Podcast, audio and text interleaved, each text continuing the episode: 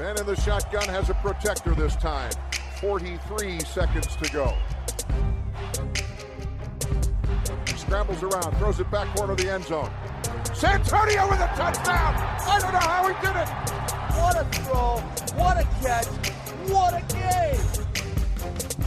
No, Mike 43, call 57. That! Suffocate him! Make him miserable! All game long! Get us the ball back! Could love him or hate him, but he was Brad. Hej, du lyssnar på veckans NFL som presenteras i samarbete med GameDay.se med Mattias, Lasse och Rickard som vanligt. Eh, Välkommen tillbaka Lasse! Tackar, tackar. Roligt att vara med igen här. Ja, vi saknade dig förra veckan. Vill du, vill du berätta var du höll hus? Eh, Ja, fick eh, satte Kumlaanstalten. Nej, nej, det var... eh, Jag födde barn, eller jag födde inte barn, men min eh, fru födde barn. Så jag var inne på sjuk, eh, förlossningen där och, och fick en pojk. Så då var det inte läge att podda. En liten Quentin Nelson. En liten Quentin Nelson. Ja, han var ganska Quentin Nelson size banan alltså. Lång och stadig. Så att redan nu börjar jobbet insida. Det ska inte vara någon sån här sexig position som man får typ tackle utan eh, Quentin Nelson känns bra. Eh, svårt att få igenom namnet bara Quentin. Jag tänkte säga DeMarcus. Jag har ju sån här favoritnamn. DeMarcus Ware.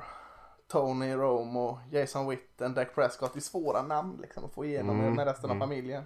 Dak känns liksom lite Dak. klurigt att få till. Ja, mm. Tony är coolt ju. Tony ja. Y-namn är alltid lite farligt att veta när man har. Ja, det sägs ju det. Ja. Hur är läget med dig Rickard? Eh, Det är bra med mig. Jag har inte, jag har inte lika spexiga nyheter som att få barn tyvärr. Så det, man blir så golvad när någon har såna här stora eh, eh, life changing moments. Men det är bra med mig. Jag har haft en helt vanlig vecka. Vi, eh, vi skaffade ju barn bara för att jag skulle kunna liksom glänsa med det som en fräck grej i ett poddavsnitt. Det var, det var dealen. Jag har, inget, jag har inte sagt något coolt på senaste tiden. Kan inte Nej, vi skaffa ett barn? Något måste hända. Ja, precis. Ja. Ja, hur är det med dig Mattias? Nej men det är bra. Jag har inte heller fått några barn. Eh, Så det har inte hänt så mycket i mitt liv i jämförelse med ditt kanske. Det är helt okej. Jag vet inte vad skulle jag svara på det liksom. Ja, det Eh, Nästa vecka är det gamla nyheter så jag får suga in detta denna. Ja, exakt. Ja, eh, men vi ska ju såklart snacka lite Championship eh, Weekend här. Vi ska prata lite nyheter och sen ska vi ta en massa lyssnarfrågor idag. Så att eh, det blir ett sånt avsnitt och eh, toucha kanske lite grann på Super Bowl matchupen men det gör vi Mesta delen av det uppsnacket kör vi nästa vecka. Det är ju lite extra vila både för oss och för, för NFL-spelarna den här veckan. De som är kvar i, i slutspelet. Men eh, vi kan väl börja med lite eh, nyheter. Vi pratade lite coacher när du var borta förra veckan Lasse. Eh, men vi var ju några som vi inte har nämnt. Eh, som inte hade anställt någon tränare än. Vi kan ju börja i Detroit. Detroit Lions har ju nu anställt Dan Campbell som var hoppade in som interim head coach i Dolphins ett litet tag. Eh, som också har Fick lite uppmärksamhet där för sin presskonferens som var lite, lite mer old school än vad vi är vana vid kanske. Fräsch kändes det.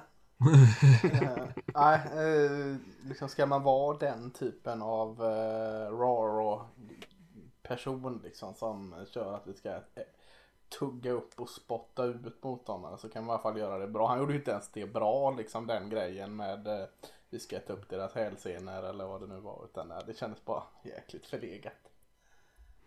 Nej, Det är så Ja, det känns- konstigt. Jag vet inte vem det är han liksom ska säga det till. Eller alltså det känns som att så måste han berätta för media hur tuffa de ska vara och använda här konstiga. Och så ser han lite så här svettig ut och, och så här småsmutt. Nej, jag är inte alls imponerad. Av just det i alla fall så kanske han är en bättre tränare förhoppningsvis.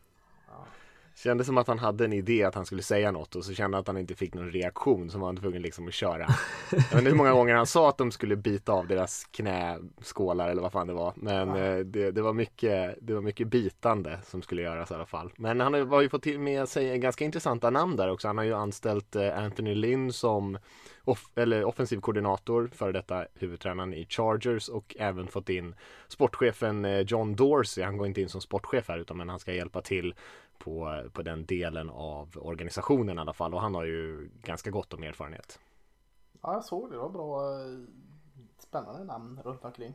Eh, ingen Hannibal Lecter dock, det var det man satt och väntade på när vi skulle käka knäskålar och sånt. Som någon sån här eh, assistent till någonting. Men eh, nej, det kändes eh, helt klart spännande assisterande coacher. Ja, vi får se hur det går för, för Campbell och gänget där. Det kommer bli mycket nytt i Detroit, för vi kan ju nämna det också att eh, det kom ju ut här att Matthew Stafford, eh, som är quarterback i Lions, har varit det väldigt länge sedan han draftades och eh, spelat eh, relativt bra under sin karriär har ju eh, De har kommit överens om att gå skilda vägar så att eh, de ska försöka hitta någon eh, trade partner för Matthew Stafford där och försöka få någonting för honom och han kanske ska söka sin lycka någon annanstans helt enkelt och det känns ju ganska intressant tycker jag. Stafford har alltid varit en av mina favoritspelare eh, även fast han har varit lite upp och ner och haft lite skadeproblem men jag skulle tro att de kan få ganska bra betalt ändå för honom. Ja, vad, vad, det är intressant. Vad kan man få för Stafford? Jag håller med dig. Jag har också alltid gillat Stafford. Men, men eh, vad är värdet liksom? Nu har man gått ut och sagt att man ska gå skilda vägar. Det eller vägar. Eh, så det ligger väl inte Detroit i fatet direkt. Nej, det är det som är så konstigt med den här situationen. Att de på något sätt går ut och säger så här, men vi ska göra så av med honom.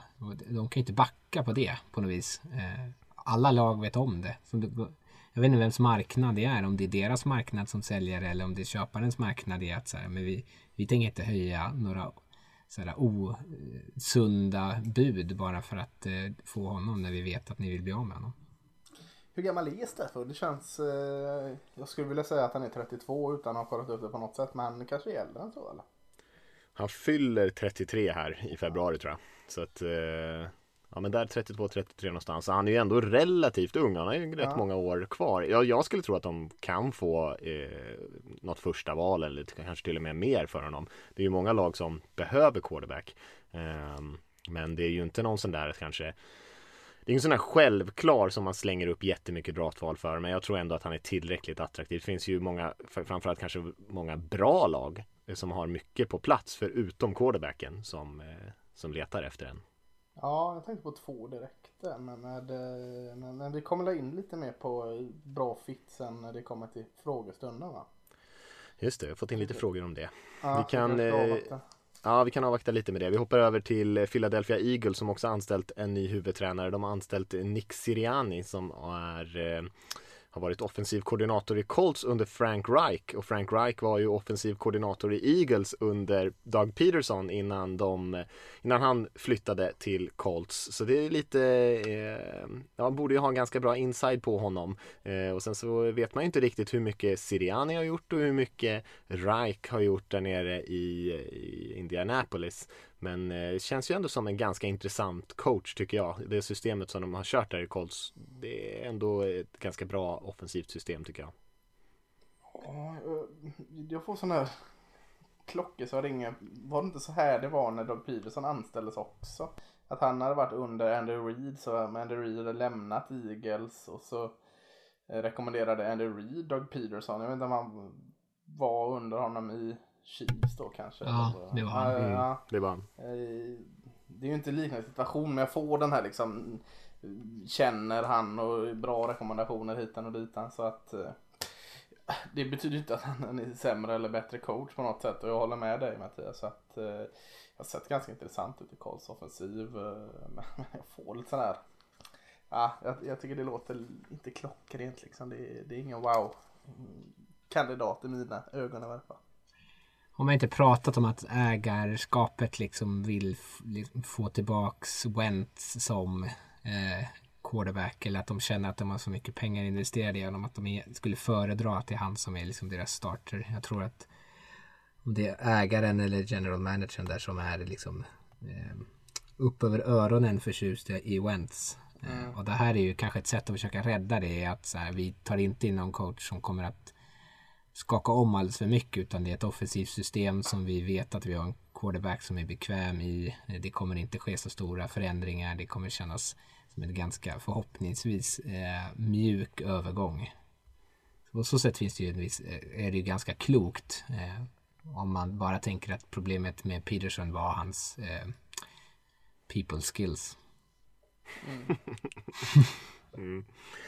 Ja, nej, men jag håller med. Det, det, han är lite av en doldis också och ganska ung också. Så vi får väl se. Han har inte så jättemycket erfarenhet. Så det, eh, det har varit några sådana coacher. Vi pratade om några förra veckan också som har anställt som man kanske funderar över hur mycket hur mycket koll de har på faktiskt att göra hela det här jobbet. Men eh, lite sådär, vi lite vänta och se på den. Man kan väl också nämna att det är Senior Bowl-vecka den här veckan och det börjar ju idag, lite mjukstart. Eh, Lasse, kan inte du berätta lite grann om vad Senior Bowl är för någonting? Absolut, det är eh, de brukar ju kalla det The Draft Starts in Mobile, alltså Mobile Alabama, eh, där Senior Bowl går av stapeln. Och det, det är ju en eh, träningsvecka som avslutas med en match för eh, seniorspelare från college och examinerade spelare från college. Alltså, eh, och det brukar vara 125-130 stycken spelare som, som bjuds in här och, och väldigt många tackar ja. Eh, så det är väl lite som eh, momentet innan NFL, NFL Combine. Att man, man får se eh, under veckan då eh, eh, övningar och på alla positionerna och allt sådant. Och så avslutades med en match mellan två indelade lag. Varje lag har en coachingstab från NFL. I år är det väl Miami Dolphin och Flores och Matt Rule och eh, Carolina Panther som håller i varsitt lag där. Eh, så det, det är många av, eh, om vi kollar på Trevor Lawrence pratades det om kuben i Clemson högt vad har vi mer? Jamar Chase, wide receiver i LSU pratas det högt om. De ser vi inte, de är inte examinerade. Eller kan också ha valt att tacka nej till seniorbowl. Men, men eh, vi kommer ju få se en 5, 6, 7, 8 eh, första rundespelare och väldigt många i, i eh, runda 2 och 3 och, och neråt eh, som glänser. Och, ja, återigen som kommer man, man, eh, det är ett jättebra tillfälle att, att klättra på eh, scouternas listor. Och än mer i år när när det nu har kommit fram att NFL Combine inte ska gå av stapeln så är det ju bara eh, collegernas eh, egna Pro Days och den här Senior Bowls som man har chansen att visa upp sig. Mm.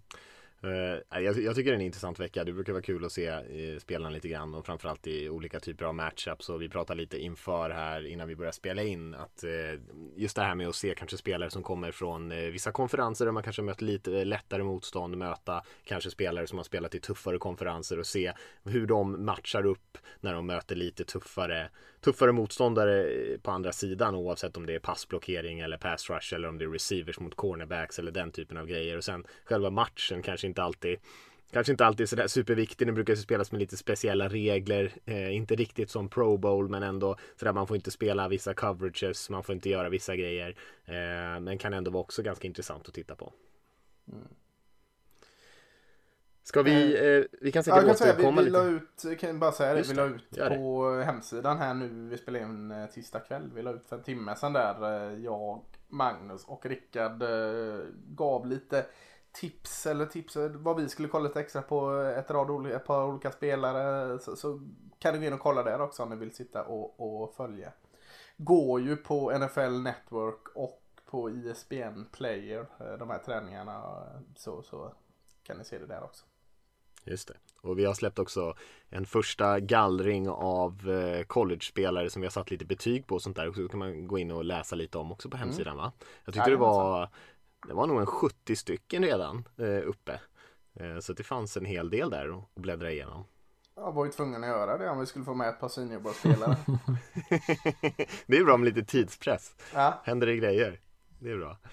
Eh, ja men vi, eh, vi återkommer säkert lite grann till Senior Bowl och, och snackar lite om vad som har hänt där. Eh, kanske till och med nästa vecka att vi nämner någonting om vad vi såg och inte såg. Men mm. eh, ska vi hoppa över till och prata om Championship-rundan. Eh, det är väl, man kan väl börja med att nämna att eh, Tampa Bay Buccaneers och Kansas City Chiefs är de lagen som kommer mötas i Super Bowl för den som har missat det. och och eh, vi kan väl börja med NFC-matchen, vilken var den som spelades först när eh, Green Bay Packers mötte Tampa Bay Buccaneers. Den slutade 31-26 till Tampa Bay eh, och i båda de här matcherna så kan man väl ändå säga att det var ett av lagen som tog en eh, ganska tydlig ledning eh, och och eh, sen eh, spelade kanske försvaren lite bättre än vad vi hade väntat oss i, de vinnande lagen och eh, de lagen som låg under de lyckades helt enkelt inte, inte ta igen de här underlägena som de hamnade i och det blev ganska intressanta matcher men kanske inte den där riktiga, riktiga nerven. Just den här Packers Bucks matchen var ju den som blev jämnast. Ja. Eh, och den var ju trodde man ju nästan där när man gick in i halvtid att den kanske inte skulle bli så där jämn. Även om du nu säger att det var svårt för de, för de lagen som låg under att, att göra så mycket match av det så vart det ju ändå spännande mot slutet. Även om det kanske inte alltid såg eh, så där superspännande ut. Bucks hade ju kanske bättre kontroll över den matchen än vad det poängmässigt slutade sen. Man får ju säga, jag vet inte om man får lov att säga det men uh, Tom Brady var ju och gav dem en chans i varje fall med, med tre interception. Nu ska inte alla de 100% lastas på Tom Brady men, men eh, så ser det ut lite under Bruce Arians offensiv. Det är vinna några, förlora några och de kom ju ganska tätt där eh, pixen i andra halvlek som, som gav det lite nerv mm. ändå. Eh, bra, bra, eh, par bra spel av eh, Packers secondary där, Jair Alexander bland annat. Eh, så ja, det, det, Tom Brady, ja, han snubblade sig till ytterligare en final då. Nu har han gjort det bra innan såklart. Men, men eh, ja, han kunde kanske kostat dem där. Ja visst, visst gjorde han det. Och det är väl lite det har varit lite så i Tom Bradys karriär. Han är ju såklart en fantastisk spelare och det går ju inte att säga nog om att han nu ska spela sin tionde Super Bowl.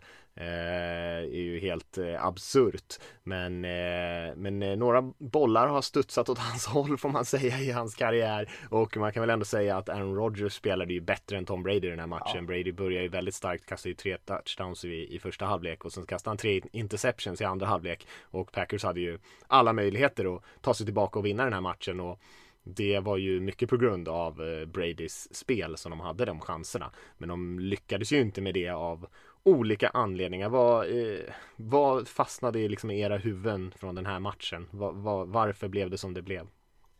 Ah, jag tycker eh, Tampa, du var inne på det lite, försvar, eh, Tampa Bays försvar. Eh, individuella prestationer brukar jag inte liksom låsa upp mig allt för mycket på. Låste upp mig lite på det.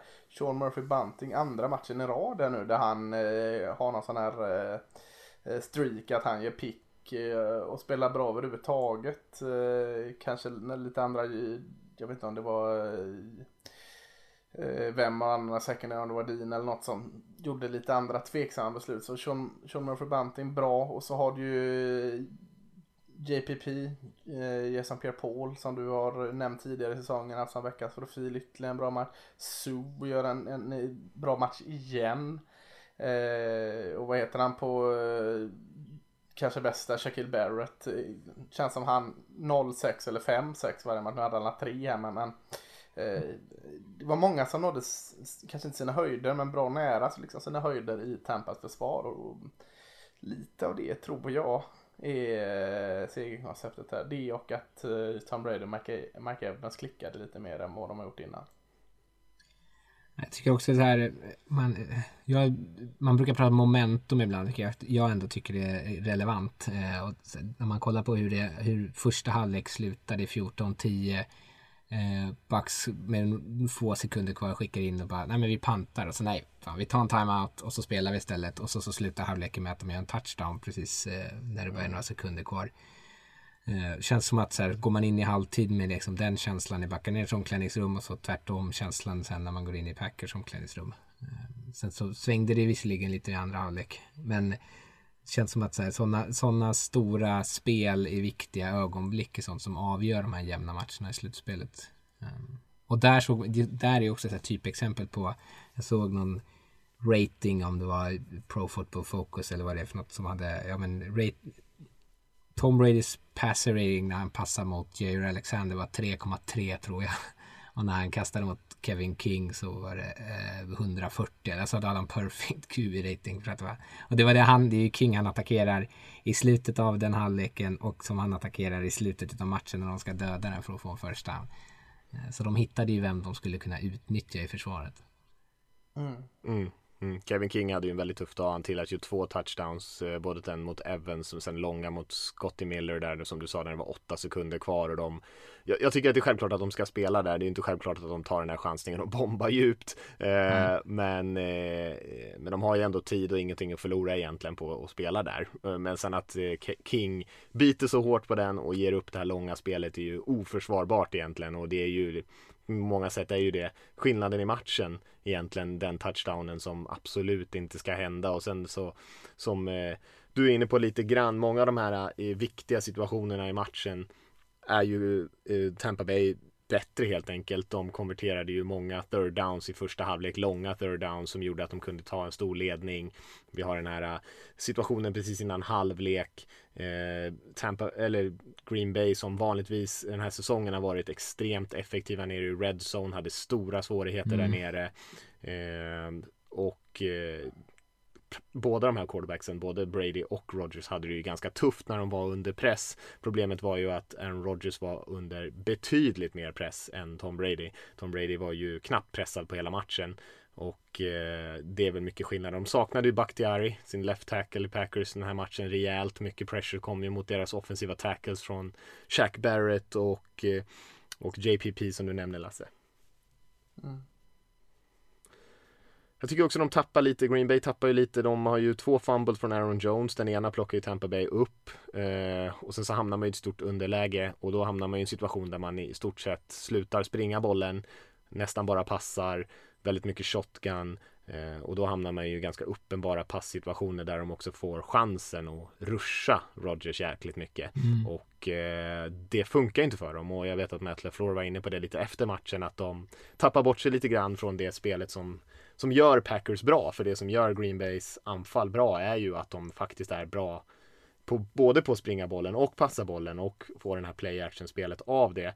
Eh, men man tappar bort det lite grann och blir liksom ett, eh, ett rent passlag här i slutet och eh, håller inte upp helt enkelt mot pressen. Nej, det tycker jag är en bra, bra analys. Ska, ska vi röra vid det här som många har rört vid? Eh, field goal i slutet av matchen där eller att gå för det på fjärde eller ska vi avvakta med det till frågestunden? Nej, vi tar det nu tycker jag. Mm. Eh, men som du nämner, de har ju massa chanser att, att driva för att ta ledningen i Packers, men eh, lyckas ju inte flytta bollen riktigt. Men på sista driven så har de ju faktiskt möjlighet att komma ner i red zone. Jag tror att de är där på 8 yard från goal line och har en first down. Eh, lyckas inte få till någonting på första, andra och tredje down. Och på fjärde down då, så istället för att spela och försöka spela för en touchdown och en two point conversion, de ligger ju under åtta poäng då. Ehm, så, så kickar de ett field goal istället och hoppas på att försvaret ska kunna stoppa Buccaneers så att man får tillbaka bollen och sen kan, kan spela för vinsten. Och det blev ju väldigt, väldigt ifrågasatt, kritiserat. Borde man inte ha gett Aaron Rodgers en till chans där på fjärde down och konvertera den touchdown istället för att ge bort bollen och sen som det blev nu då aldrig få tillbaka den? Ja, jag, jag ställer mig nog lite som de flesta inte gör. Jag ställer mig nog på LeFleurs sida här. Jag, jag tycker han gör rätt. Eh, det är klart att man inte kan säga att han gör rätt eftersom han inte lyckades. De, de, eh, de, vann ju inte matchen. Men eh, det finns så oerhört mycket, man kan nog gå väldigt djupt på det här och frågan är hur, hur djupt Green Bay Packers gick på detta i stridens hetta och när det var Men, Men eh, det är så många liksom, moment som ska eh, falla dig in här. Du, först ska du klara den här 8 yards passen till en touchdown, eh, något de inte hade gjort på försök 1, 2, 3. Sen ska du klara den här 50-50 bollen då som är en tvåpoängs eh, conversion. Sen ska du ändå eh, stoppa stoppa eh, Tampa Bay. Och så ska du också vinna övertid. Eh, det är väldigt många eh, om där. Eh, klart det har varit en del om. Även om man hade satt filgolvet då ska man fortfarande stoppa. Men då kan man ju vinna den direkt om man stoppar dem. Så att, jag, jag, jag tar nog inte någon, kanske något hörn med, men eh, jag kan absolut se anledningen att göra som Green Bay Packers gjorde här. Alltså jag tycker att det är ett jättekonstigt beslut. alltså visst, man är andra halvlek så har man Försvaret har spelat väldigt bra. Man är egentligen bara tillåtit en längre serie. Eh, och det är när de får det här field goalet. Men eh, så om man när, de kick, när Packers kickar sitt field goal så ligger de ju fortfarande så pass långt efter att de ändå måste göra en touchdown. Eh, och det är det som gör så konstigt. Hade de hamnat i en situation där okej okay, det hade räckt med ett field goal då kanske jag hade kunnat köpt det.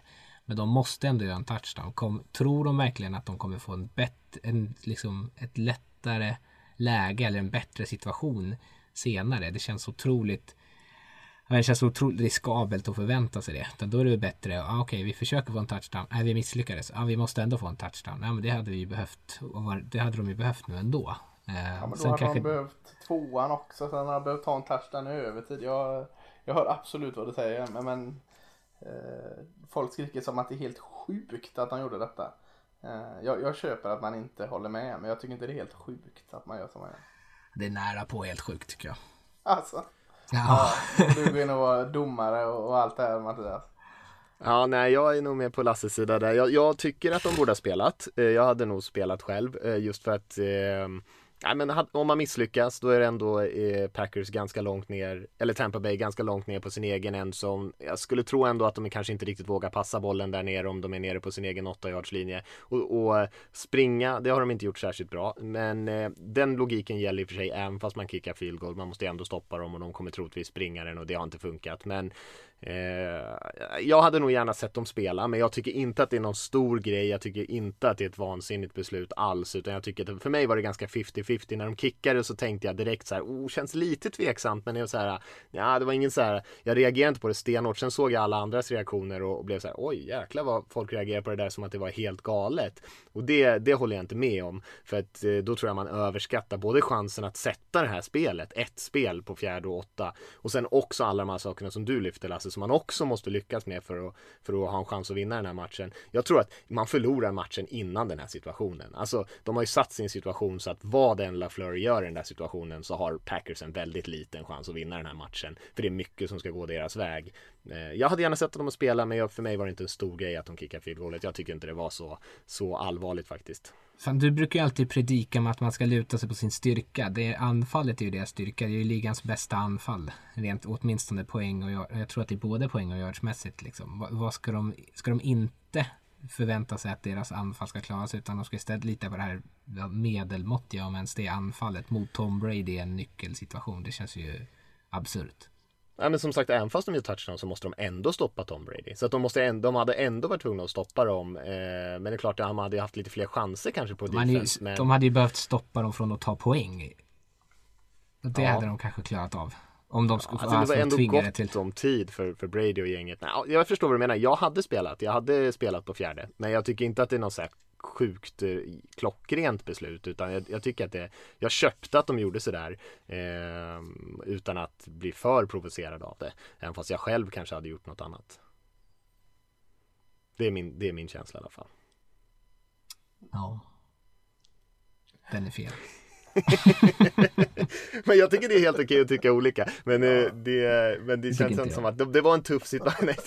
det var en tuff situation där. Det är klart de skulle ha, åtminstone hade de plockat upp yards, och det sa ju LaFleur också, hade, hade de plockat upp några yards där som hade haft typ en, en eh, goal och tre, goal och fyra eller någonting eller något lite kortare så hade de spelat. Men eh, det var för att de tyckte att det var det blev en kanske lite för tufft på, på fjärde och åtta. Det, ehm. det, den kommentaren tycker jag är, sjukare då i sådana fall. Att uh, han hade gjort det för liksom uh, fjärde och fyra istället för fjärde och åtta. Uh, det tycker jag är Fjärde och åtta är ju fan enklare än fjärde och fyra om, om man ska plocka bort spring i ekvationen.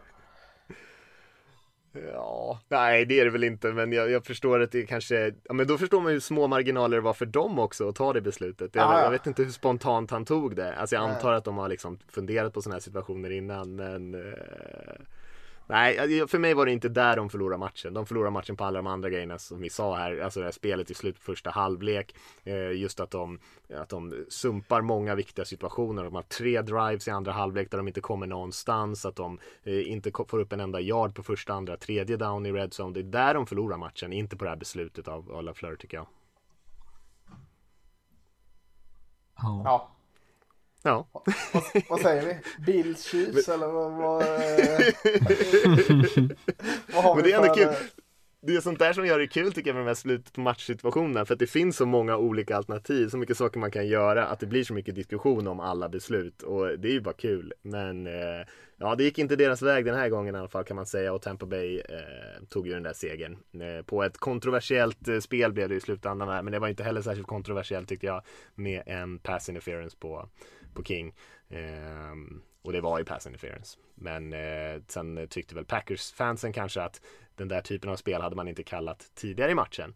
Men eh, jag vet inte riktigt om det är ett argument för att man inte ska kalla vad jag ändå tyckte var en uppenbar pass interference på Det var alla för att han eh, höll typ flaggan en kvart innan han kastade den, som var det jobbiga. Ja, det var lite, Mm. lite drygt av domaren Elakt. kanske. Men, men tröjan stod ju ut liksom Ja, fyra absolut. yards från bakom honom. Sen var det liksom den mest tydliga pass interference jag sett nästan. Eh, Ja, det blev i alla fall lite spänning i den matchen som sagt. Man kan inte säga riktigt samma sak om Chiefs Bills. Som slutade 38-24 till Chiefs och eh, Bills fick ju mycket med sig. De fick precis den starten de hade velat. Eh, Chiefs fumblar ju en, en, en pantmottagning. Eh, och eh, de fick ju bollen på enjardslinjen. Bills och tog ju ledningen med 9-0. Och sen så i halvtid så stod det 24-9 till Chiefs ändå. Och eh, Bills kom egentligen eh, aldrig nära. Jag tror fan Chiefs gör det med flit. Sätter sig i eh, tidig underläge. Hur var det när, när ert eh, Las Vegas slog dem? Var de eh, ledde Chiefs då tidigt? Oh, nej, det var alltså... nej. Kan du inte vara enda play by play från Nej, den matchen dåligt, så mycket alltså. som du har pratat om det? det är dåligt. Eh, nej, det, de, vi- det, vi- hamnade inte i en läge där vi ledde eh, stort på det sättet utan det var liksom match hela tiden. Det var inte Ja. så att man tänkte direkt så här, fan det här och jäklar. Nej, just det. Och det, då gick det ju inte bra. Nej, men jag, de, de ger motståndarna någon form av falsk trygghet och sen bara PAM! Så jag tror de sa till, var det Hardman som eh, tappade den på... Eh, eh, Jag sa till den, gör lite snygg sån här fumble här. Det är lugnt, vi, vi, vi kommer inte hänga dig för det. Så, så ger vi Bills lite trygghet och så sen ger vi dem lite till och så lite till och så sen så kan vi börja köra. Eh, och så står Bildt med på hälarna och eh, ska spela, försvara sin ledning när de bara har en ledning med 9-0 och tror att ja, men nu går vi in och så eh, försvarar vi den här ledningen och, och spelar tryggt och fint och så eh, vips så är det, vad var det? 9, 21, 21 raka poäng där för Chiefs och så eh, var det inte mer med det. Nej, och man kan, ju, se- man kan väl klandra kanske Buffalo i den här matchen tycker jag, för de är väldigt konservativa. Eh, kickar ju field goals eh, långt ner på Chiefs planhalva eh, istället för att spela. Och i ganska rimliga situationer också där man hade kanske fjärde och tre och den typen av situationer. Eh, och det höll ju inte riktigt. Eh, vi kan prata, man kan prata hur länge som helst om det här Kansas City-anfallet och jag tänker att vi säger säkert några ord snart om dem här men jag tycker ändå storyn från den här matchen och det som kanske var mest förvånande var väl vad Chiefs försvar tycker jag gjorde med Buffalos anfall. De spelade ju Tony Romo pekade ut det många gånger, spelade ju väldigt tight i pass coverage. Man fick ju gott om pressure också på, på Josh Allen eh, och höll ju Bills egentligen eh, ja, till, ett, till ett så segt anfallsspel som jag vet inte om jag har sett dem spela så, sett så eh, bleka ut anfallsmässigt på hela säsongen som de gjorde mot det här Kansas City-försvaret. Och eh, på något sätt så då blir det ju omöjligt. För jag, jag trodde väl om Bill skulle vinna den här matchen då måste de ju i stort sett göra poäng nästan på varje drive eh, och eh, spela riktigt, riktigt bra på anfallet och det trodde jag att de hade en chans att göra och med den här ledningen som de fick så hade de alla möjligheter. Men, eh, men det tog stopp för dem. Rickard, du eh, får chansen här nu. Du var ju långt ifrån nöjd med hur Bills tog sig an den här matchen. Nu får du, får du ta fram sågen här. Eh, jag ska försöka vara snäll. Nej men det känns som att de så här, hela säsongen har tjatat om att så här, vi tar inte foten av gasen. Vi vågar köra, vi vågar vara aggressiva, vi vågar lita på att vårt anfall kan vinna matcher åt oss hela tiden. Och sen så när man hamnar, det känns som att hela det är liksom en uppladdning inför det här mötet. För att det är ju just mot Chiefs som man måste ha den mentaliteten. Och så hamnar man i sådana här situationer som du säger Mattias, man är nere i, i red zone och så kickar man field goals då istället för att lita på sitt anfall. Eh, och det, jag tycker kanske, man kanske förlorar matchen i alla fall liksom, men det, det känns som att man visar någon sorts form av rädsla där i att okej, okay, vi kanske inte alls ska vara så här aggressiva nu. Det kanske inte är det bästa beslutet. Och så liksom ger man upp det som har varit lagets identitet egentligen under hela säsongen. Eh, och det, jag tycker att man skjuter sig själv i foten av den anledningen. Och... I, uh. ah, nej, kör. Är det inte också lite problemet med Bills eh, att de har liksom inte möjligheten att fega i sin, i sin liksom verktygslåda. Ett sätt att fega när man har en ledning är ju att mjölka springspelet.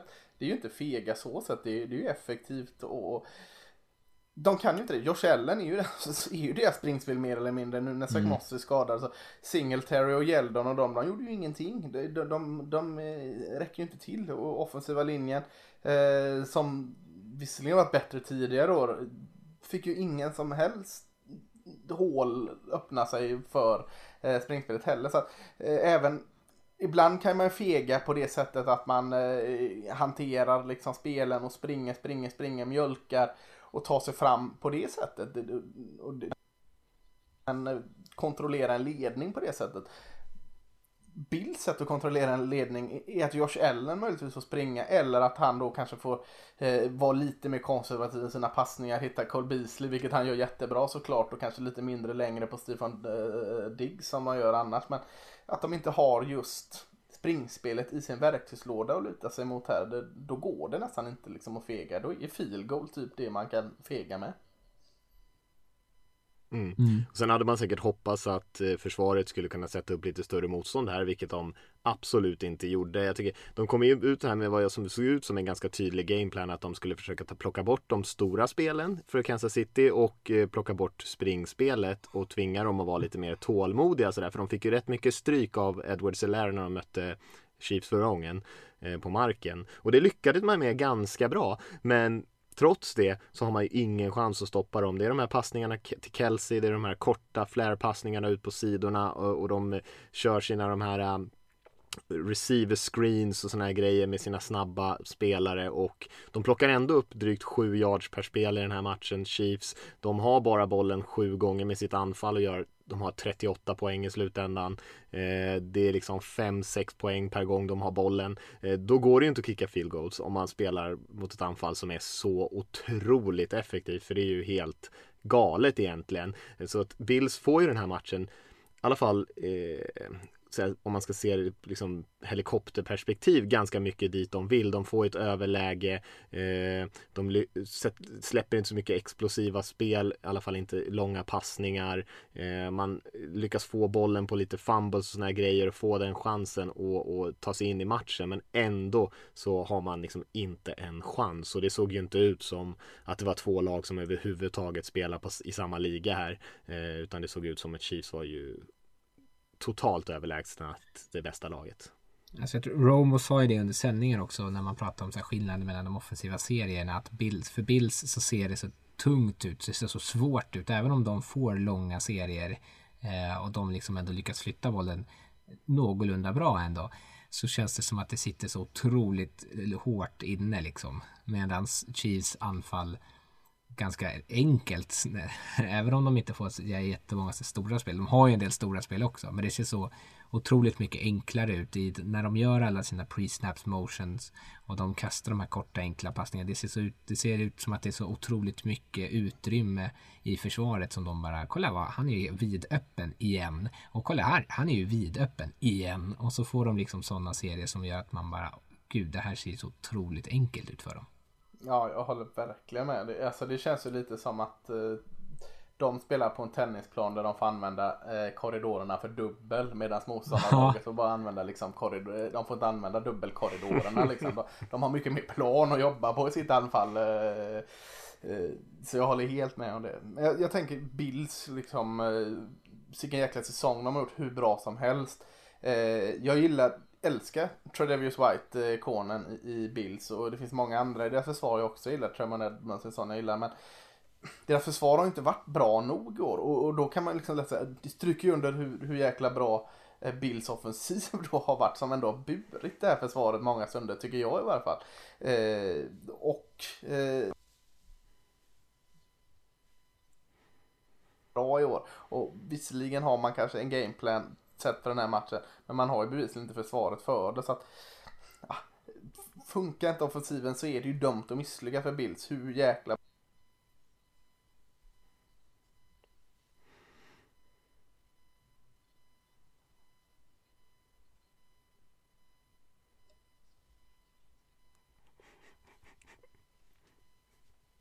Jag måste kunna stoppa de... någon drive. Det, annars blir det svårt. Ja, förstås. Men det är också därför de här besluten med att kicka field goals och så blir så konstiga. För någonstans måste de ju, så här, när de går in i den här matchen, inse att 24 poäng kommer inte räcka. Så kommer, kommer vi kicka field goals så kommer vi kanske inte göra att, nu vart det 38 för Chiefs, men man måste ju räkna med att ah, okay, vi kanske behöver göra 33-35 poäng i den här matchen och då, då har man inte råd med det. Framförallt när man märker att ah, det blir ganska långa serier, vi kommer inte ha så mycket possessions, vi måste ju på något sätt eh, ta en del beslut som kan i efterhand ses som tveksamma. Men det görs det ju det i alla fall för att de tog det konservativa. Ja, lite synd, lite trist sätt att gå ut för Bills tycker jag som ändå mm. som sagt gjort en fantastisk säsong och jag såg att eh, eh, Bills eh, McDermott där, headcoachen, sa att eh, förklarade det här med att de kickade field goals med att han ville liksom hålla uppe moralen, att de inte ville lämna serier utan att ta poäng och det, och det tycker jag, ja, det är det låter lite oroande när han säger så tycker jag. Utan man måste, man måste komma in i den här matchen och veta att det är touchdowns eller ingenting som gäller. Och är man i situationer där man har fjärde och två med, med det brutalt bra anfallet man har haft den här säsongen. Då är det bara att köra. Alltså det finns ju ingenting att vara hålla tillbaka på. Eh, och man kan inte liksom sitta där och vara rädd för spelarnas känslor. Eh, om de skulle misslyckas ta upp en fjärde down för då har man förlorat innan matcherna börjat tror jag. Men det är det man ser det där ibland tycker jag. Man ser det ibland med Patriots och Belichick. Många lag som gjorde konstiga saker i matcherna mot dem. Just bara för att de kände att de behövde göra något så här jättekonstigt och jättesmart. För att annars skulle de bli helt utcoachade och utspelade. Och med Chiefs ser vi det ibland också att lag gör konstiga saker som liksom inte som inte är deras riktiga identitet och Bills tappade nog bort sig lite grann i den här matchen eh, mot Chiefs tycker jag. Mm. Men det är ju också, det måste ju vara svårt, jag förstår ju det här med moral, jag håller med om det att det är så här konstigt, man måste kunna ha moral i sådana här situationer ändå. Men jag förstår, de släpper 21 poäng i, i andra kvarten, tre raka serier som blir touchdowns. Jag förstår ju att man på något sätt känner en uppgivenhet på bänken. Men den blir inte bättre av när man kan säga ja men det är ingen fara, vi fick tre poäng. Utan man måste ju kunna svara med samma medel. Ja, ett field goal ger inte den typen av boost tror jag som McDermott Nej. tror i så fall. Alltså då, jag tror han överskattar hur positivt spelarna tycker det är när de ser eh, Chiefs skåra touchdowns på tre serier i rad. Jag tror inte man blir så nöjd över det. Eh, ändå. Mm, ja, eh, imponerande av Chiefs kan man väl i alla fall säga som eh, vi har pratat om att eh, även fast jag trodde att Bills faktiskt skulle ha en god chans att kanske till och med vinna den här matchen så, så har vi pratat om Chiefs som det laget som kanske har ja, det, det har det högsta taket och eh, spelar de liksom så bra som de kan göra så är det, de är nästan omöjliga att slå. Eh, och nu ska Tampa Bay Buccaneers då som första laget någonsin spelar Super Bowl på hemmaplan eh, med piratskeppet i bakgrunden. Eh, och hur tror ni, va? Vi, vi, ska inte säga för mycket om den här matchen, det tar vi lite senare, men vad säger ni om matchupen? Jag håller med dig Rickard sa det, det är sjukt att inget annat lag har spelat på hemmaplan i Super Bowl innan. Ja. Bara det stannar jag upp, det tycker jag är jävligt konstigt. Men, det är men konstigt.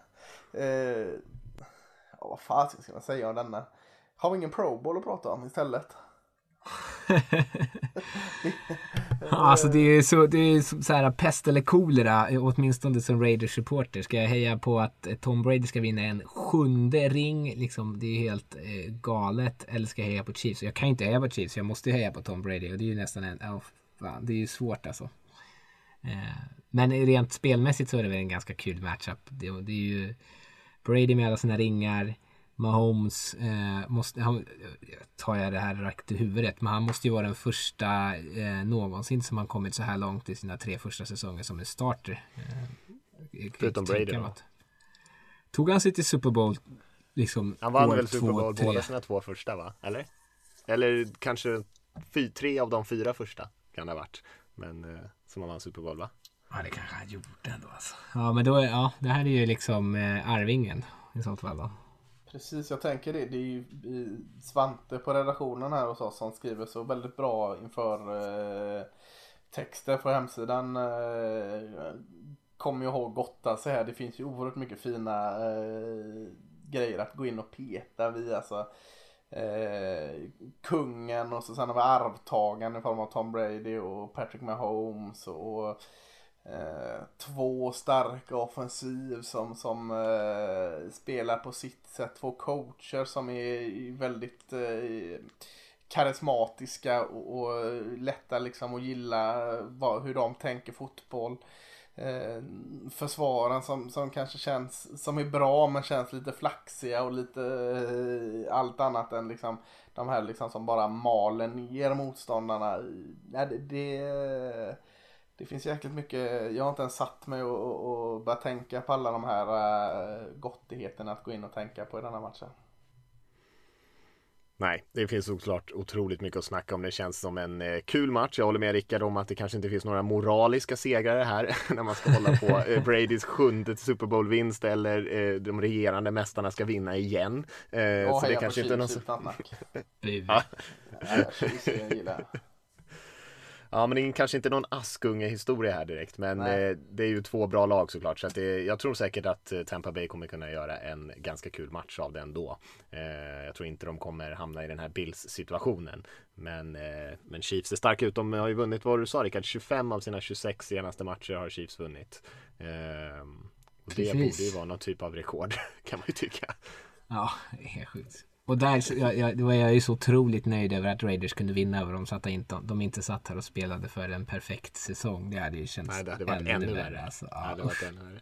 Det, det, är ju lite tecknet på eh, en, en, eh, en franchise som liksom badar i framgång när man största triumfen senaste tio åren och, och, och sabba en rivals perfekta säsong. I love it. Det kan man leva på länge. Ja, ja herregud. Finns inte mycket annat att leva på. Nej, nej, vi har inte vi ens att leva på så att, ja, jag är avundsjuk. Uh, ska vi ta lite lyssnarfrågor? Vi, har, vi skickade ut och bad om att få in lite frågor och vi har fått in eh, det är alla möjliga typer av frågor. Eh, så en del handlar om de här lagen som spelat eller ska spela Super Bowl här och en del handlar om helt andra saker. Så att, vi hoppar in i det direkt tycker jag och tar ett gäng frågor. Och vi kan börja med en fråga från eh, Felix Lindström som skriver Hej, tack för en fin säsong av avsnitt. Det är ett nöje varje vecka när man ser er ikon poppa upp i flödet. Har funderat en del på en reunion mellan Carson Wentz och Frank Reich i Indianapolis. De hade enligt alla källor en bra relation på och utanför planen och vi vet alla hur bra Wentz presterade. Vad tycker ni? Är det värt att säga nej till Rivers. Rivers har ju redan sagt att han ska lägga skorna på hyllan så att Colts letar efter en quarterback.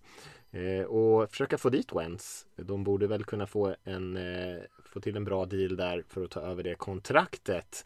Men eh, som du var inne på lite Rickard så är det ju är man ju rätt eh, tagna av Wentz där i Philadelphia.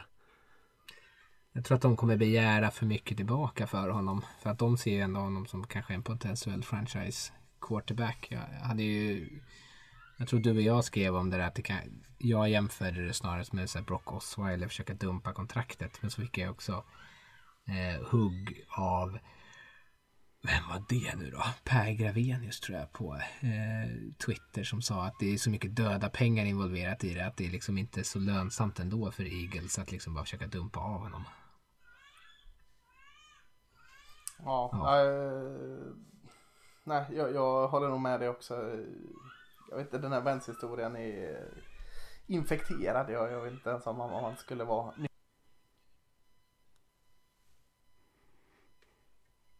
Är det Wentz i bakgrunden där som vi hör nu bara för att han pratar om han skulle trada? Jag hörde det. Jag tänkte jag skulle blocka ut ljudet där. Ja, det Quentin Nelson. Lille Carlson där som inte gillar att uh, Jalen Hurts får allt för heta rubriker där. ja. Ja. Uh, nej, det, det låter faktiskt rätt osannolikt just nu med tanke på att uh, ägaren och sportchefen där verkar vara inställda på att Wentz ska starta i Eagles nästa säsong.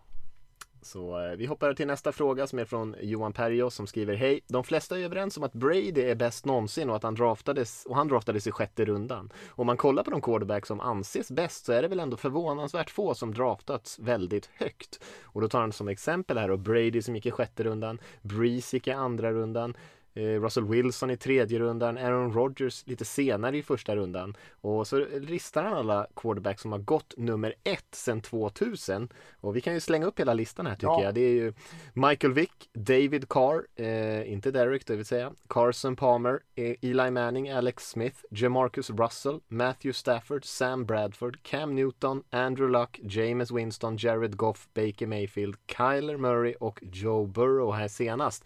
Och han menar att ingen av de här ovanstående har ju presterat riktigt som man tänker att en nummer ett pick i draften ska göra. Kanske eh, om man eh, Kanske Stafford och Luck säger han då hittills men summa summarum är första picket i draften överskattat? Undrar han. Ja, om man har eh, hans förväntningar. Det var jävla sågning på dem. Jag tycker nog ganska många på den listan har presterat eh, vad jag kan förvänta mig. Då. Om jag rabblar så ger jag tummen upp för Michael Wick, jag ger tummen upp för Carson Palmer, jag ger tummen upp för Eli Manning. Eh, Matthew Stafford som man säger, Cam Newton, Andrew Luck. Eh, kanske tummen upp för Jared Goff, jag ger tummen upp för Baker Mayfield, Kelly Murray och Joe Burrow. Så att jag, jag tycker det är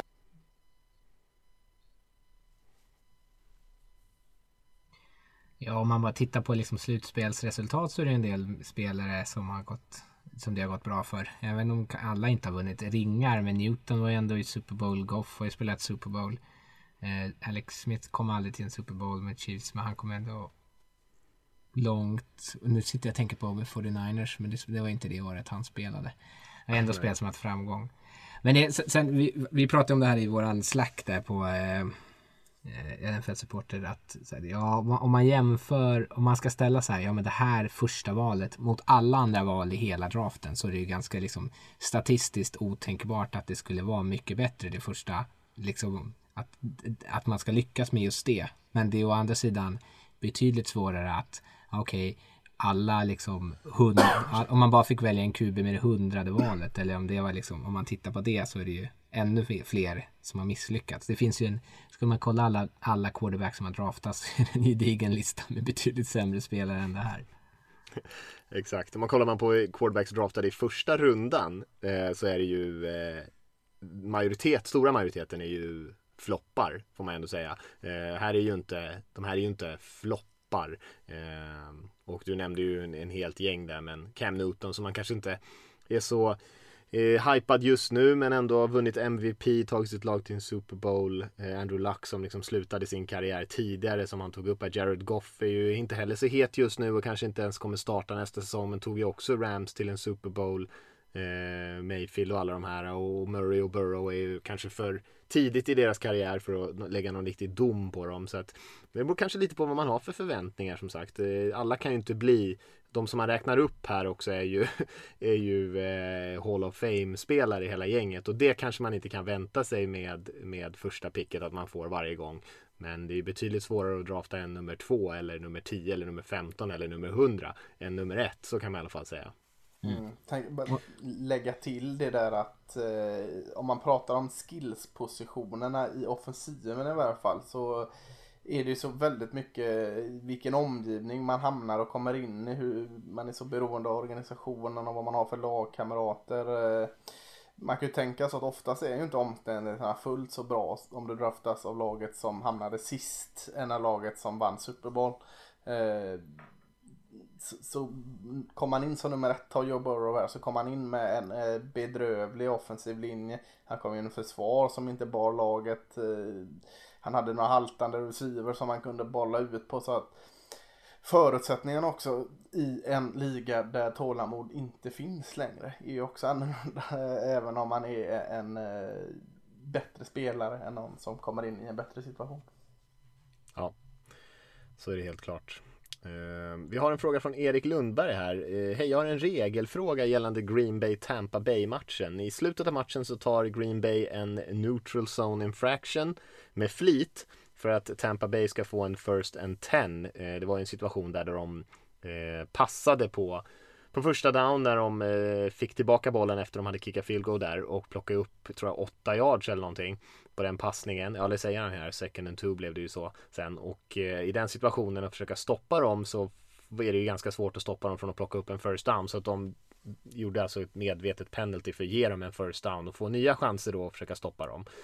Eh, men kan Tampa Bay neka denna bestraffning och i sådana fall varför gjorde de inte det? Och om Tampa, om Tampa kan och neka denna bestraffning, bestraffning kan man inte då hamna i någon typ av loop där Green Bay gör neutral zone infractions och Tampa Bay nekar till bestraffningen om och om igen? Eller finns det några andra regler som hindrar detta? Tack för en jättebra podd skriver Erik. Ja, kan vi tipsa om domarpodden här som vi, som vi flaggar om igen. Kan vi inte bara lite enkelt bara köra över den till dem? Uh, nej, hur är det egentligen? Du har koll på detta Mattias va? Jag har inte dökoll på det men jag är inte så säker på att man faktiskt får eh, säga nej till den här typen av penalty som händer innan spelet har börjat. Eh, som kommentatorerna var inne på att de skulle kunna declina den. Eh, men jag är inte helt hundra på faktiskt om om jag har rätt där. Då, eh, och det skulle de kanske kunna i så fall ha gjort. Och om de kunde ha gjort det så borde de såklart ha gjort det i den här situationen. Eh, och då vet jag inte varför de inte gjorde det. Men jag är inte så säker på att man kan det faktiskt. Men sen så hamnar, pratar han om den här loopen där. Nu fanns det ju ingen eh, incitament för för eh, för eh, Green Bay att fortsätta göra penalties. Det hade ju bara gjort det svårare och svårare för dem. De hade hamnat längre och längre ifrån den touchdownen som de behövde utan att egentligen uppnå någonting. Men det finns ju andra situationer till exempel där man kan ta ja, men typ ett holding penalty eller något sånt där till exempel för att spelet ska spelas om och så får man bort lite tid från klockan om man leder. Men den typen av saker har man ju gått in och, stoppat. Att om man gör den typen av grejer att man eh, begår då penalties om och om igen för att uppnå någon typ av taktisk fördel eh, så blir det en unsportsmanlike conduct på den eh, och man sätter tillbaka all tid på klockan. Så att man har fyllt igen några av de där eh, hålen i regelboken så att det inte går att liksom regelfuska sig till. Men däremot finns det ju sådana här situationer. Vi pratade ju om Mike Vrabel gjorde det i en match här tidigare år och Titans när man eh, gav motståndarna en, en first down för att man också skulle få då en bättre chans att, att stoppa dem på eh, när de har first and ten istället.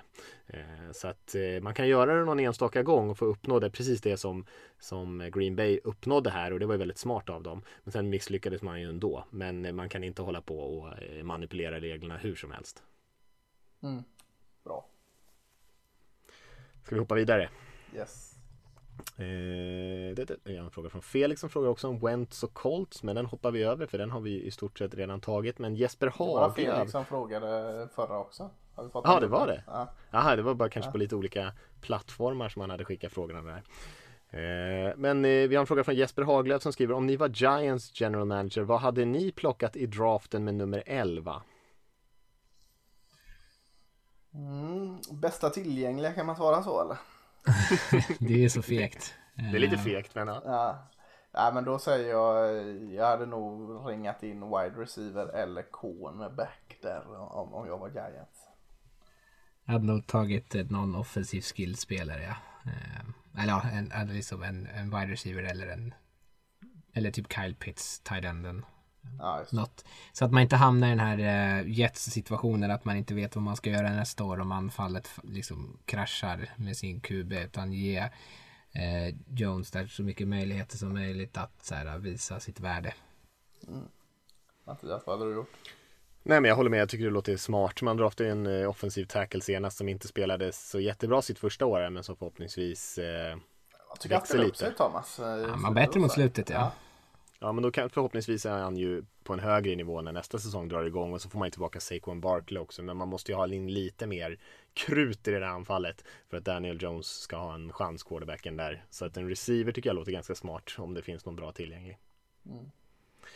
Vi har eh, fått en fråga från Ferrera Elijah, eller Elijah Ferrera, oklart, med på Instagram eh, som undrar vad behöver Mahomes utföra under sin karriär för att kunna ta över titeln GOAT från Brady? Fortsätta i samma banor. Sju ringar eller? Nej men som, som Rickard säger det är ju att, att fortsätta samma bana. Alltså spela 15 år till med den, på den här nivån och ha, leda sitt lag till slutspel. Det är, väl, det är väl det man måste göra om man nu ens kan ta över den här greatest of all time eh, från Tom Brady. Så är det väl det liksom. Göra det längre eh, och bättre. Eller i alla fall lika bra och längre än vad Tom Brady gjorde. Ja, Om 15 mm. år kanske Tom Brady fortfarande är kvar i ligan med sina jäkla avokadobetor. Kanske. Ja, det kommer ju vara svårt att ta, ta honom i antal ringar tror jag. Men, Ja. eh, men man skulle ju definitivt kunna spela eh, om, om Mahomes på fortsätter på samma nivå så, så kommer han ju troligtvis ha en, eh, bättre individuell karriär. Sen om han vinner tre eller fyra Super Bowls så kanske det räcker för att ändå eh, ta den positionen från Brady. För det är ju ändå inte bara Super Bowl mästerskap som räknas när man rankar individuella spelare tycker jag. Men eh, just i framgång, det kommer nog vara svårt att rå på honom tror jag. Eh, gamle Brady. Utmaningen blir, kommer väl här nu om två år när hans nya kontrakt kickar in och de måste börja kapa i truppen runt omkring honom. Ehm, jag minns när, typ när Rodgers tog sin, relevans i sin Super Bowl, då pratades det om att så här, hur ska man någonsin kunna stoppa honom? Han kommer vara dominant, han kommer kunna vara bättre än vad Brady har varit. Han är en mer talangfull quarterback och så har det liksom inte blivit några fler ringar sedan dess. Ehm, så det är ju liksom lätt hänt att man så här spår fantastiska framtider bara för att spelare ser bra ut. Men sen så kommer liksom situationen och omgivningen runt omkring negativt påverkas av att man är, blir så välbetald. Mm. Och han kommer troligtvis inte kunna ha Andy Reid som coach hela sin karriär heller. Reid är ju redan eh, rätt så gammal. Han kommer Ja, han skulle gärna till kunna få pensionera sig. nej, det han är för rolig att följa tycker jag. Så det tycker jag inte. Men eh, ja, nej, men eh, du är inne på något där verkligen att det är det är väldigt svårt att veta vad som kommer hända i framtiden. Även fast de ju ser otroligt bra ut nu så eh, betyder det definitivt inte att det alltid kommer se ut så. Så har det ju pratats om många spelare. Det som gör Brady så stor är väl att han har gjort det på helt olika sätt med helt olika lag eh, under helt olika eror och alltid varit bra, anpassat sig, förändrat sitt spelsätt och allting. Eh, och det är ju det som är den stora utmaningen tror jag man ska vara, ligga på den nivån så länge. Nu får han äntligen lite sån här återbäring där från den här säsongen när han var skadad. Och var det Matt Castle som kom in i Patriots och gjorde en hyfsad säsong. Eh, Han vann 11 matcher va? Ja, och, och då var det så här, ja det är bara system-QB här liksom. Det är, kolla vad Matt Castle kom in och gjorde med, med Patriots. Så eh, nu kan han visa Tom Brady att eh, ja, det var nog kanske lite mer än att jag är som på Matt Castles nivå här när han leder till Tampa Bay till Super Bowl. Man vet ju inte vad Matt Castle hade gjort med det här laget. Ja, det är sant. Han, är, har inte, han har varit i Chiefs Sen också. Chiefs ja. ja. Castle. Ja. Mm, eh, det är han som coachar upp alla de här quarterbacksen. Uppenbarligen. Ja, det är han som är den hemliga såsen. Ja, eh, vi har fått en fråga från Marcus Wetterdala som är vilka vinner Super Bowl? Ska vi vänta med den tycker ni? Det kanske är lite tidigt att tippa en vinnare redan Ja, sug på den. Vi suger på den. Okej. Eh, vi har fått en fråga från Ugly Uggla på, eh, på Instagram. Jag har Instagram-namnen här så det är väldigt oklart vem som är bakom kontona. Eh, är Lasse tillbaka nu när Green Bay åkte ut? Undrar han. Här är jag. Yes. Sa ju att Green Bay var kass i år. Så jävla dåliga. Det är helt otroligt. Rogers är slut. Ja. Ja. Ja, men det, ja på den frågan då. Eh, fått en fråga från eh, Jonas Gluten här också som, eh, som vi, vi hör från ibland. Hur bra verkar Char- Chargers stab bli egentligen? Kan någon verkligen hota Chargers nästa år? Det är väl aldrig någon som kan hota Chargers väl? Eh, De är väl alltid eh, ohotade. Bäst på sin grej. Ja. Eller vad säger du Rickard? Känns det som ett hot i, i divisionen? det snackar, Chargers är sådana lag som det inför varje år pratar så här, ah, fast nu, nu är det Chargers. Ja, vem gjorde oj, oj. i, i år? Det var Jag gjorde, Nej, det var Broncos, jag snackade upp. Broncos. Just det. Just det, just det, just det. Eh, ja, nej men eh, alltså jag vet, jag vet inte riktigt hur staben ser ut. Jag, då kände jag att jag var så här tvungen att nödgoogla här. Eh, men... Eh, Han ser la kass Alltså, jag- ut va? Så- Alltså vad, är det- Brandon Staley ny huvudtränare? Ja, precis. Och han har inte gjort ett skit. Han har varit DC i Rams en kvart och sen har han varit en gammal linebacker coach tror jag. Det är ett frågetecken. Ung, det behöver inte alltid betyda att man är bra. Eh, sen har du DCn, var Ronaldo Hill. Eh, Ja. Jag har bara varit DB-coach innan. Typ i Dolphins och Broncos. Så den där rutinen då har jag Joe Lombardi. Och jag har aldrig varit förtjust i honom, offensiva koordinatorn där. Eh, Lions var han väl. Var, Han var väl inte ens en offensiv koordinator, var en Kobe-coach. QB-coach. Nej, det var, jag tror han var OC i Lions men det var ett tag sedan. Han var nog QB-coach i Saints senast. Men...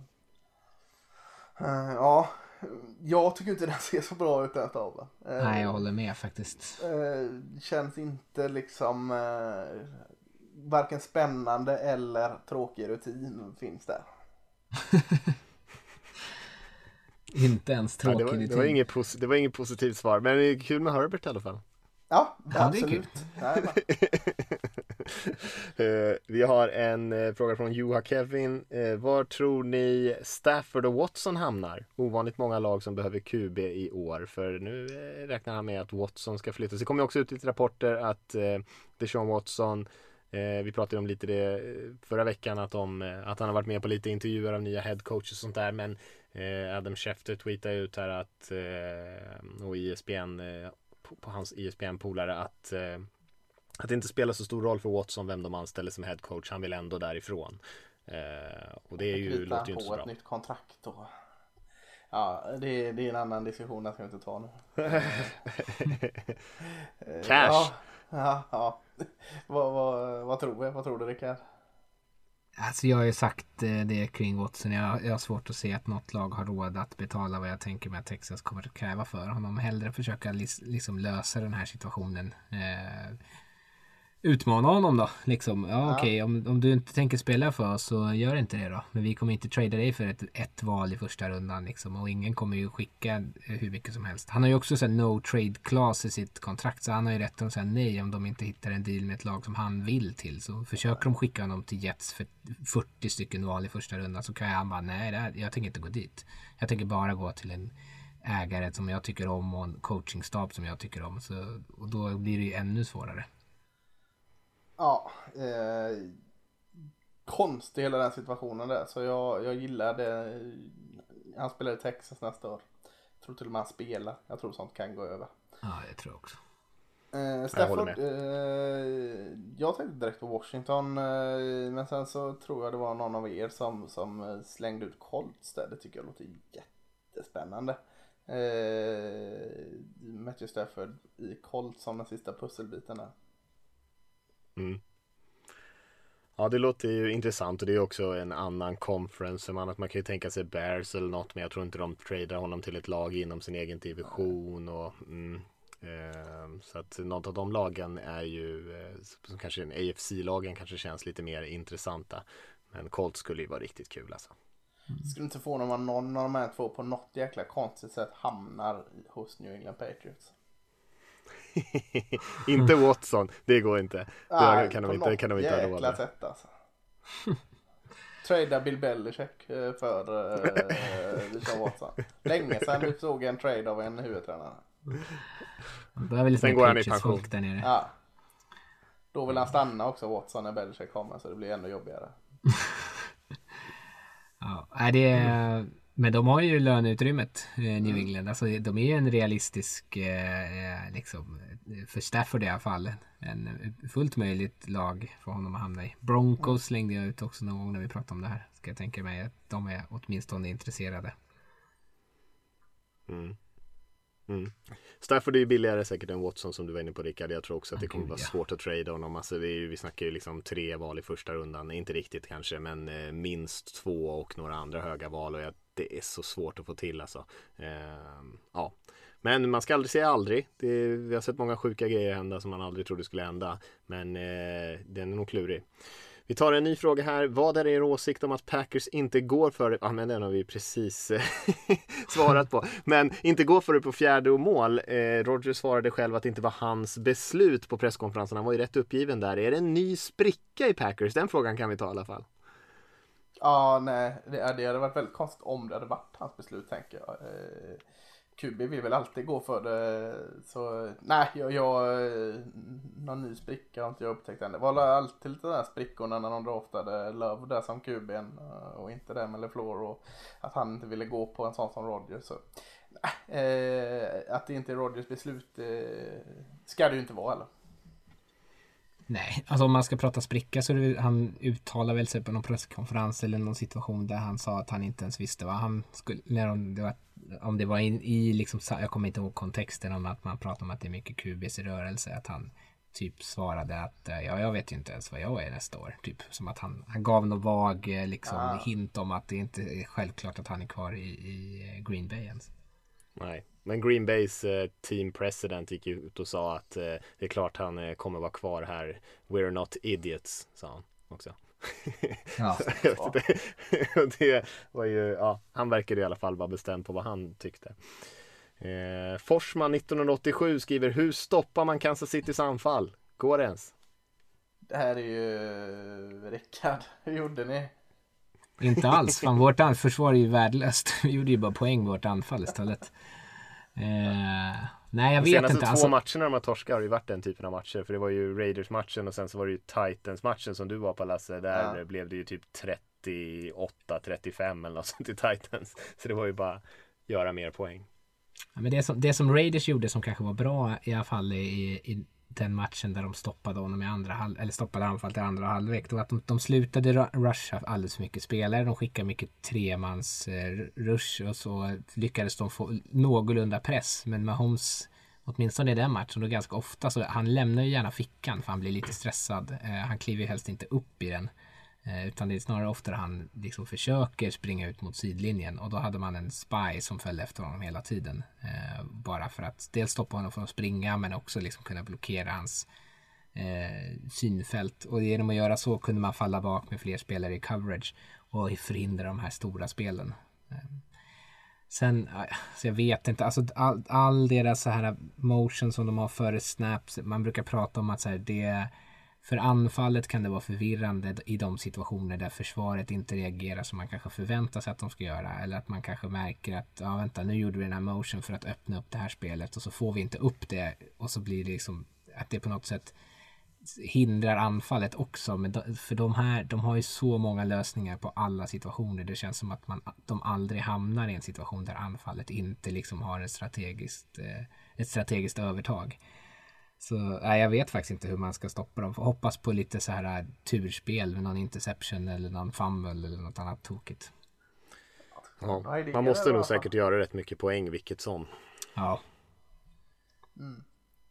Jag, jag, jag tänker mig ändå att så här, det, man kommer inte kunna blitza dem så jäkla mycket för då hamnar man i så konstiga situationer. Så man måste ju kunna ruscha med sin defensiva linje och vinna där. Och där har ändå Tampa Bay möjlighet att göra det tycker jag. Eh, med Vea tillbaka också så har man ändå en stark defensiv linje. Och sen så behöver man nog ha ganska mycket speed i sitt försvar som ändå hyfsat kan matcha de här spelarna så att de inte plockar upp 27 yards och kanske plockar upp 8 istället när de kommer ut på utsidorna. Så här. Och där har man ju också i Tampa Bay ändå ganska mycket snabbhet på sina linebackers och ett par intressanta DB. Sen kommer det kanske bli lite stora spel ändå men ja, det är svårt och det, allt låter ju väldigt enkelt men det är ju extremt svårt att stoppa dem såklart. Men eh, för att sakta ner dem åtminstone. De här stora spelen kommer man ju släppa mot Chiefs. Det, är- det liksom bara är så. Eh, Jag tänker ta bort de här eh, kor- korridorerna i dubbeltennis för dem. Eh, liksom håll dem på insidan. Försök liksom täppa till så de inte kan rulla runt. Man ser ju Hardman och Hill göra det liksom. Alltså att de, de bara rullar runt och så dansar de på sidlinjen för 70 yards liksom. Täpp till så de inte kommer på utsidan bara liksom. Låt dem inte använda eh, tenniskorridorerna. Lättare sagt än gjort. Visst är det det. Eh, Erik Hornström på eh, Instagram skriver Kan ni ha en podd veckan efter Super Bowl där ni sammanfattar säsongen eller åtminstone Super Bowl? Och det kan vi väl bara säga ja på för det brukar vi ju faktiskt ha. Det är väl någon gång vi kanske inte har lyckats få till det men eh, det brukar vi ju ha. Och eh, sammanfatta Super Bowl och prata kanske lite grann om säsongen som helhet också. Så det säger vi bara ja på och hoppa vidare till en fråga från Oskarin på Instagram som skriver Vad innebär en turf toe som Mahomes lider av just nu? Det är väl en stukning i tån. Eh, en tror framböjd stukning. Eh, eh, problemet är, gör väl väldigt ont liksom. Och framförallt om du ska skjuta ifrån med tån och framsida foten. Alltså så att du trippar på tå och så ska du skjuta ifrån och ta ett kliv med eh, foten så eh, är det väldigt svårt att, att kunna koncentrera sig när, när den smärtan kommer i tån. du som är bäst på sånt här Lasse. Trycker man in några sprutor smärtstillande bara och sen så är det good to go eller? tejpa tänker jag. Eh, eh, ja, jag vet inte, jag hade aldrig några tåproblem. Eh, men jag kan tänka mig att sprutor och smärtstillande gör sitt till. Jag tänker att man inte liksom blir begränsad av typ i sin rörelseförmåga mer än att Nej, det det gör ont. Då får man bort smärta. oavsett tror okej. jag med, med den jäkla tån. Alltså, du ser ju när, när med Holmes, han har gjort det flera gånger har jag haft den jäkla turf toe, men han, han springer ju lite som han eh, i i skitenödig ibland. Ja. Liksom. Så det är att han springer liksom lintar fram är ju inte att det är att vila sin tå genom att kanske springa fram på hälarna när det behövs Mm. lite mer. I alla fall inte ta de här aktiva avtrampen med tårna. Eh, Så, så du blir nog inte av med det obekväma momentet. Du kan nog lindra det en hel del med, med smärtstillande skulle jag kunna tänka mig. Men helt avslappnad blir du nog inte med en sån jäkel. Och, och det är ju så illa att det är vila som gäller där. Vila kan jag inte göra nu för att få den hel. Jag kan inte bara trolla bort den. Så, så eh, nu har han bara en match kvar att göra det. Ja, och han har ju lite extra vila i alla fall innan Super Bowl så det Mm. kanske blir lite bättre. Eh, Men annars som du säger Lasse så brukar man ju ofta bara prata om att det är smärtohantering som det handlar om Mm, i första hand. Eh, Måns Ryttmäster undrar vad rekommenderar ni för mat till Super Bowl? Ja, du la ju upp någon eh, koreansk macka här, en bild eh, Mattias. Eh, så, så att eh, leda oss in i, i matträsket. Ja, nej, men jag tycker all, all sån där mat som man kan käka med händerna eh, framför tvn tycker jag är bra. Eh, det var ju en sån här banh mi macka, det är ju sjukt lätt att göra och är ju jäkligt gott. Eh, men äv, all, alla former av så här eh, tacos, jag gillar ju mexikansk mat, eh, sånt gillar jag att göra om man gör carnitas eller gör någon eh, chili eller gör någon, eh, ja, vad som helst det kan vara. Eh, så den typen av mat tycker jag om att äta. Och så tycker jag väl ändå att man, det, är ganska gött att ha grejer som man kan äta i liksom i, i små portioner så att säga som man kan äta många gånger och ganska länge eh, för att fylla på lite, lite då och då istället för att man bara tar och smäller i sig. Alltså början är ju en klassiker men att bara smälla i sig en jätteburgare med en tallrik pommes sådär tidigt på kvällen eh, kan man ju bli rätt, eh, rätt seg av tycker jag. Utan då, då tar jag hellre liksom och käkar åtta tacos utspridda över sex timmar. Ja. Rickard, om man ska få den här sockerdippen här nu, nu är vi på din hemmaplan här. Vad är det för, eh, för kakor som, som ska eh, göra underverk i, i, när det börjar dippa i, efter halvtidsshowen här? Alltså det är då någon form av klassisk eh, chocolate eh, chip cookie. Eh, Ja. När det blir. Jag, brukar, jag har ett recept som jag alltid brukar köra. Jag tänkte jag ska spexa till det lite. Något, eh, någonting med lite vit choklad i år. Men eh, jag tycker snarare, det här med maten. Jag, jag är ju sån här som Mattias då säger. Man ska undvika. Jag hamnar i att jag äter en jättestor middag. Och så blir jag liksom inte sugen på mat under kvällen. Eh, vilket i och för sig är bra. Så sitter jag och trycker massa eh, amerikanskt inspirerade sötsaker istället. Ja, ja det är fint.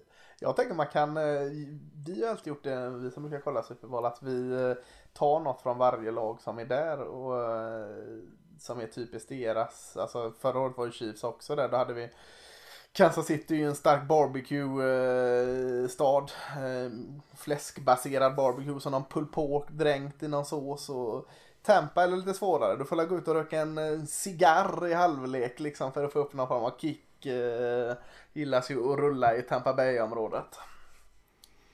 Ja, de har ingen riktigt tydlig mat som man kommer att tänka på i alla fall, Tampa Bay. Jag tänker men, att de eh, äter såna här vad heter, det, snökrabbor eller, fan, eller soft Just det. shell crabs och sån skit. Det är ju inte liksom bara att slänga ihop vid halvtid i någon soft shell crab tänker nej, nej, det är sant. Jag har gjort lobster roll några gånger. Det är jävligt Ja det har i vi också. Man kan man göra med krabba också. I, Om man nu... eh, så vi är så jävla trötta på lobster roll. Har de ingen dryck därifrån då? Eller liksom någon, någon drink man kan dricka så man kan komma runt på det sättet då? Det är ganska nära, om vi är i Florida Ja, så får vi precis. tänka på Daiquiri här med, med Hemingways favoritdrink är ju jäkligt fin mm. nere i Florida-träsket. Sen har vi väl Ybor City ligger där på bolaget ölsort som är från Tampa Bay tror jag. Sådär. Eh, så har ni, har ni dryck där? Fan, det är en ny sponsor där. Ja, shit, sa det. Mm. Pripps blå. Eh, vi har en eh, fråga från Kalle Stern som skriver Vem anser ni vara respektive lags viktigaste spelare på offensiven respektive försvaret? Eh, och vi får inte säga quarterbacken då i Kansas City och Tampa Bay. Ja, Vad säger du Mattias? Eh, ja, om vi börjar med Kansas City skulle jag säga anfallsmässigt skulle jag nog säga Kelsey. Eh, Hill är ju fantastisk såklart, men de har ju ganska många speedsters där så att jag tror att de skulle kunna klara sig utan honom eh, och vara ganska bra. Men Kelsey tror jag ändå är eh, en, en nyckelspelare för dem och försvarsmässigt så skulle jag säga Chris Jones tror jag, eh, som eh, är deras defensiva tackle och spelade väldigt bra senast och, och producerar ju väldigt mycket press. Um, Ja, skulle jag säga om Chiefs i alla fall. Kan tänka mig Honey Badger, alltså Turn Matthew. Mm. Mm. Kanske inte den bästa men, men sån här liksom som med swag liksom vinner försvaret liksom. Vinner matchen med, med sin, uh, sin stil i försvaret. Ja, det är ju de. Jag håller ju med båda. Jag tycker också kanske att det är Kelsey i anfallet. Så skulle jag snarare säga att det är Honey Badger i, i, i försvaret. Men det är ju de, den liksom diskussionen. Det är är det Hill eller Kelsey eh, och är det eh, Jones eller Honey Badger som på något sätt är det de två viktigaste. Mm. I Tampa? Tampa Bay då? Mm. Uh, Svårt med offensiven där. Ja, jag håller med. Någon receiver man, kanske? Eller? Får man säga Tristan Wirfs? Eller är det tråkigt? Nej, det är ju jätteroligt. Det är det bästa. Det är det roligaste du har sagt. Någonsin. Han har ju spelat så jäkla bra eh, de här matcherna. Där, ja. mm. det, är ju hela offensiva linjen som en enhet. Det är ju kanske det som har varit nyckeln nu när, de, när det har gått så bra för dem. Och han har ju verkligen spelat. Eh, han kanske är den bästa på den offensiva linjen. Så, jag tycker du Donovan Smith på andra sidan är ju svinbra också. Han får ja, aldrig någon kärlek. Ja, han har spelat bra, det håller jag med om. Ja. Ja, hela linjen spelar bra. Det, alltså annars är det ju såklart eh, kanske Evans eller eh, Godwin. Jag är ju ett stort Godwin-fan. Eh, deras mer slot receiver. Men Evans har ju gjort en jättebra säsong. Särskilt det här bombanfallet som de har. Mm. det är väl så här, skulle man plocka bort en av dem, skulle man plocka bort Evans så kommer det fortfarande en ganska bra grupp receivers. Mm. Ja. Eller? Ja visst, så är det ja. ju. Försvaret då? Ja men någon insider-linebacker där. Eh, antingen Devin White eller Lavonte David. Eh, tycker jag är, är, lite navet i eh, försvaret där. Mm, jag ja. håller nog med om det. Framförallt då mot Chiefs som de spelar med, med Kelsey och eh, eh, och det sättet att liksom du får ha, du får ha inside linebacker som är på alerten att det kan eh, hända eh, konstiga grejer där. Devin White hade en helvetes match mot oss Raiders när vi mötte dem. Um, så det är så svårt att få bort från minnet. Jag tänkte Sue också mest för att han spelade så bra här senast. Ja, uh, men uh, jag, jag, skulle nog säga, jag håller nog med om att linebacker, deras två linebackers är kanske navet i försvaret. Mm, jag håller med. Men det är ju klart att tappar man till exempel Shaq Barrett så har man ju, man har ju redan en ganska sådär anonym pass rush, även fast de levererar ibland. Men man har ju inte råd att tappa ännu fler spelare där om man skulle bli Nej. av med Shaq Barrett till exempel. Men han är ju inte lika bra spelare som deras linebackers. Men, men just för att de kanske är en ganska svag enhet för dem så blir han ju viktigare. Men jag håller nog mm. med om att, eh, eh att linebackersna är, det är liksom deras, deras största nyckelspelare kanske. Ja, vi kanske ska runda av på den frågan där eh, och eh, tacka för oss för den här veckan. Vi kommer ju köra ett gediget eh, Super Bowl uppsnack nästa vecka eh, och då eh, ska vi försöka attackera den här matchen från alla möjliga vinklar. Det går ju fortfarande bra att skicka in någon fråga om man, om man har någon just om Super Bowl så håller vi oss till det nästa vecka. Men, eh, men annars säger vi så och tackar för oss för den här veckan. Va? Ja, stort tack. Det gör vi. Ha det bra allihop. you